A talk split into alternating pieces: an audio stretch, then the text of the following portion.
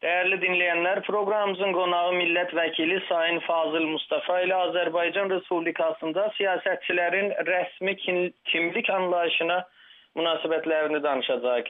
E, Fazil bəy, Azərbaycan Respublikasında kimlik məsələsi ilə bağlı mübahisələr, e, e, mübahisələr, yəni bu Azərbaycanlı ya Türk mübahisəsi e, siyasətçilər arasında da zaman-zaman çox qızğın bir şəkildə ortaya çıxır. Bu özü e, rəsmi kimlik anlayışı ilə bağlı orada ciddi bir problemin e, mövcud olduğunu göstərmirmi? Əlbəttə bu bir problem olaraq qalmaqdadır, amma bunu e, iki tərəfli yanaşma var. Bir siyasi yanaşma var, bir də e, elmi yanaşmadan söhbət gedir. Hər hansı bir siyasi yanaşmanın yenə də əsasında mütləq elmi yanaşma durmalıdır. Bütün hallarda Azərbaycanlı termini e, Sovet dövründən başlayaraq bu ölkədə, bu məmləkətdə daha çox siyasi xarakterli bir tanıtım olaraq qəbul olunmuş. Burada ikili məqsəd güdülmüş. Birinci növbədə e, Türk adının e, üstünün qapadılması və daha e, e, mücərrəd və ümumi şəkildə burada yaşayan xalqların bir e, ad altında e, heç kimsəni narazı salmayacaq və ərazinin adına uyğunlaşan bir ad altında müəyyən bir birlik modeli içində saxlanması nəzərdə tutulubdur. Amma elmi cəhətdən bu ə, e, siyasi ə, e, tanıtım ə, e, əsaslandırıla bilmir. Çünki bu nəyə görə əsaslandıra bilmir? Azərbaycanda ə, mütləq çoxluğu təşkil edən ə, kökcə, ə, mənşəcə, dilcə ə, türklərdir və türklərin bir qoludur, bir şöbəsidir və bu da Azərbaycan türkləri, Qafqaz türkləri adı ilə tanınan ə, bir etnik topluluqdur. Və dövlət də ə, e, bu çoxluğun ideyası, məfkurəsi və tarixi ə, e, prinsiplər əsasında qurulduğuna görə e, dövlətin atributlarında da daha çox məhz bu etnosun əlamətləri özünü göstərməkdədir. Diqqət edirsiniz, Azərbaycan bayrağı üç rəngdən ibarətdir. Birinci rəngi türklükdür. Yəni bilavasitə bu etnosun bu dövlət üzərində daha çox ağırlığını göstərən məsələdir. İkinci isə dil faktorudur. Bu dil e, hansısa Azərbaycanda yaşayan etnik e, xalqların, azsaylı xalqların dili deyil və çoxluğu təşkil edən xalqın dilidir, türkçədir. Və bu türkçəni biz Azərbaycan türkçəsi deyə bilərik, Qafqaz türkçəsi deyə bilərik, amma bu bilavasitə türkçə ilə bağlı, çünki bunun həm semantik quruluşu, həm ə, e, demək ə, başqa türk dilləri ilə eyni kökdən olması heç kimsədə şübhə doğurmur. Və belə bir vəziyyətdə həm xalqın adını Azərbaycanlı, həm dilin adını Azərbaycan dili kimi xarakterizə eləmək sadəcə siyasətin e, müəyyən mənada tanıtımıdır. Amma elmin tanıtımı sırf bunun e, Azərbaycan türkçəsi və millətin də, xalqın da Azərbaycan türkləri olmasını daha çox məqsədə uyğun və doğru təsbit olaraq görür. Budur problemin e, əslində kökündə duran məsələ. Fazil bəy, sizin də işarə elədiyiniz kimi e, dilin e, bugün rəsmi e, siyasət e, dediniz tanıtımdır. Bugün rəsmi kimlik anlayışında da rəsmi o e, tanıtmada da e, Azərbaycan anayasasında e, Azərbaycan dili deyir və e, kimliyin də adına Azərbaycanlı deyir. E, ə, əlbəttə ki, burada etnik kimlik qəsd olunur. Yəni vətəndaşlıq kimliyi o ə, təbii ki, Azərbaycanlıdır. Ə, burada buna çox da etiraz yoxdur. Yəni istər müxalifət ə, arasında, istər e, iqtidara, hakimiyyətə yaxın e, siyasətçilər arasında. Amma bir siyasətçi ortaya çıxıb deyəndə ki, ya bir yazar, tanınmış yazar ortaya çıxıb deyəndə ki, e, biz türk deyilik, Azərbaycanlıyıq. O orada etirazlar çox yüksəlir. E, o rəsmi kimlik anlayışına nədən etiraz olunmur? E, amma bir siyasətçi durub mən türk deyiləm, Azərbaycanlıyam deyəndə ona nədən e, etirazlar o qədər çox olur? E, burada birinci növbədə e, bu tanıtımlar məsələsində e, güya həssaslık olaraq başqa xalqların müəyyən dərəcədə narazı qalmaması üçün belə bir e, seçim edildiyi e, nəzərdə tutulur, amma bu əslində elə rəsmi yanaşmaya da cəmiyyətdə müəyyən dərəcədə e, e, etiraz formasında razılaşılmayan məqamlar var. Ayrı-ayrı şəxslər də bunu demonstrativ, nümayişkarənə şəkildə e, söyləyərkən e, bu e, həm də Azərbaycanda yaşayan türklərin müəyyən dərəcədə heysiyyatına toxunmaq məqsədi ilə etdiyinə görə belə bir etirazlar daha çox qabarıq şəkildə göstərməyə, görünməyə başlayır. Cəmiyyət sanki bu tanıtımla razılaşmış kimidir, amma cəmiyyət həm də içində bu razılaşmanın do, ə, ə, müəyyən dərəcədə ə, o qədər də ə, yetərli olmadığı düşüncəsindədir və bununla daxilən ə, buna doğru yanaşmadığını ifadə eləyir. Yəni kimsə ayrı-ayrılıqda bu dilin adını özündən Azərbaycan dili deyə bilər, bu konstitusiyada da ola bilər, müxtəlif qanunlarda da ola bilər. Amma hər bir şeyin həm də məntiqi izahı var, əsaslandırması var. Bunun izahını vermək mümkün olmur. Yəni deyək ki, e, xalqın adının Azərbaycanlı olması, tutaq ki, Ermənistanda kimsəyə Ermənistanlı deyilmir, erməni deyilir. Gürcüstanda kimsəyə Gürcüstanlı deyilmir, Gürcü deyilir. Azərbaycanda bunu uydurma olaraq Azəri adı ilə bir dövr ötüşdürmək istədilər. Yəni Azərbaycanda yaşayan azərilər də bunu Türkiyədə də tez-tez işlədilər. Bu da Azəri adında ümumiyyətlə türk etnosuna aid ola biləcək hansısa bir xalqın olduğunu sübut eləyə bilmədilər. Hələ bəziləri Azər xalqı və başqa adlar altında müxtəlif kitablar, yazılar ortaya qoymağa çalışdılar.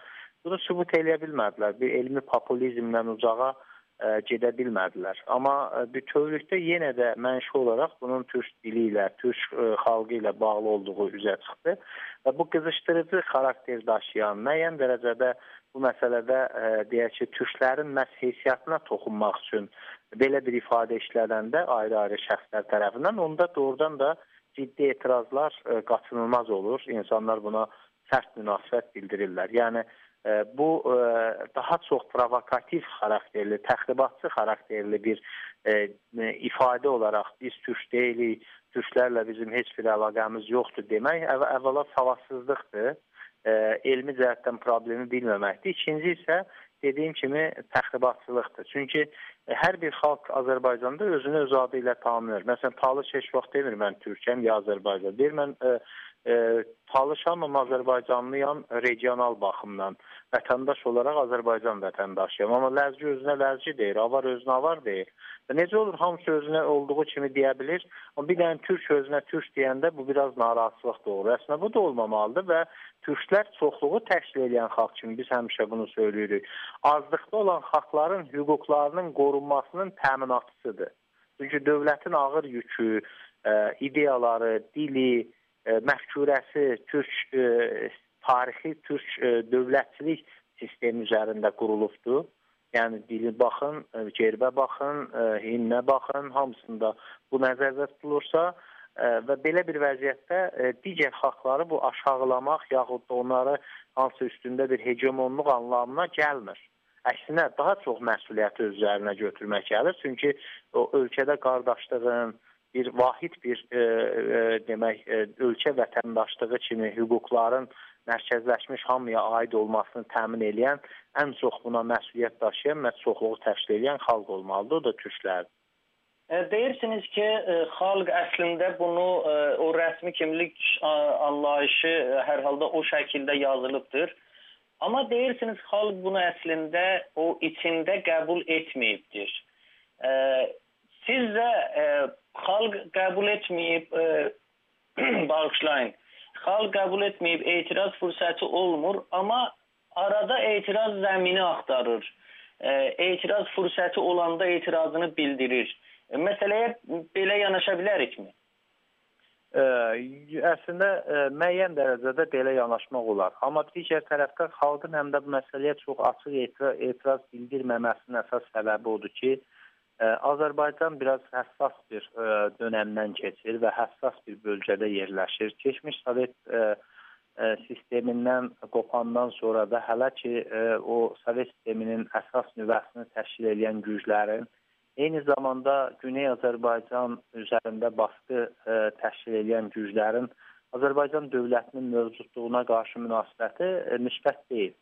Belə bir vaxtda çoxluğu təşkil edən xalqın təmsilçiləri də məsələnin gerçək və elmi mahiyyətinə ə, e, çox da varmağa maraqlı görünmürlər. Ə, e, müəyyən dərəcədə bunun bir ə, e, siyasi ə, müəyyən bəhanəyə çevrilməsinə yol verməmək üçün bu məsələ ətrafında ə, bəlkə də ə, deyək ki, müəyyən rəsmi ə, kursun ə, davam etməsinə ə, normal yanaşırlar, dözümlü yanaşırlar, biraz da tolerant yanaşırlar.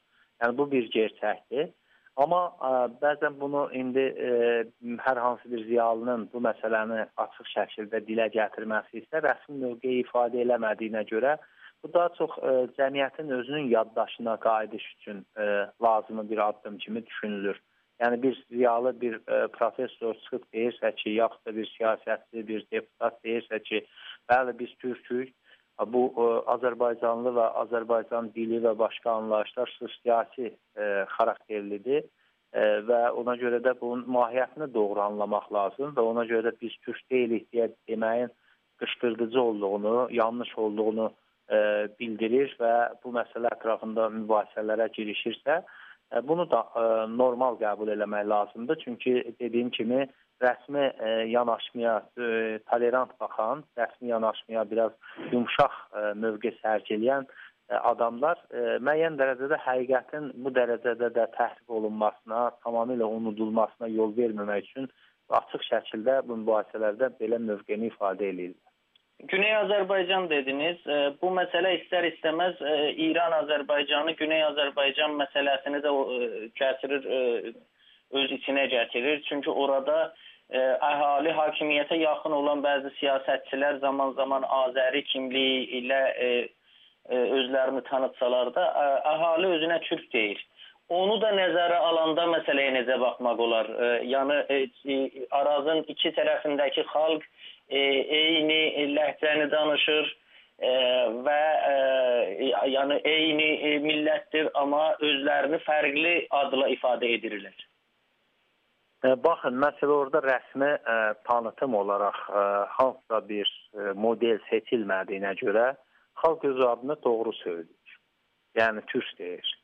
Yəni orada hər hansı bir şəkildə ərazinin adı ilə yaxud da ə, müəyyən coğrafiya dayanaraq ə, müəyyən deyək ki, ə, dövlətin ə, müəyyən ə, adını əsas götürərək xalqın təyinatından söhbət getmir. Çünki orada dövlət yoxdur, qurulmayıbdır, orada xalq var.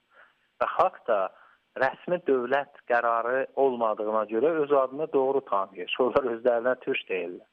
Düzdür, orada da ə, düşüncə olaraq ə, türklük ə, hər halda ə, Kuzey Azərbaycandan daha da yüksək səviyyədə deyil. Çünki orada bir İrançılıq xəstəliyi də ə, geniş yayğındır. Özlərini bir İranın tərkib hissəsi kimi görən zehniyyət ağırlıq təşkil eləyir. Bu da bir ə, bizim üçün gələcəkdə Azərbaycan ə, cəmiyyəti üçün bir e, narahat edici amillərdən biridir. Amma özünü tanıtım olaraq e, bir e, türk olaraq ə, qəbul edilməsi ə, onların daha doğru mövqedə olduğunu göstərir. Onlar yəni hələ ki rəsmi ə, çərçivə içində özlərini görmədiyinə görə öz adlarını olduğu kimi ə, ifadə eləməyə çalışırlar.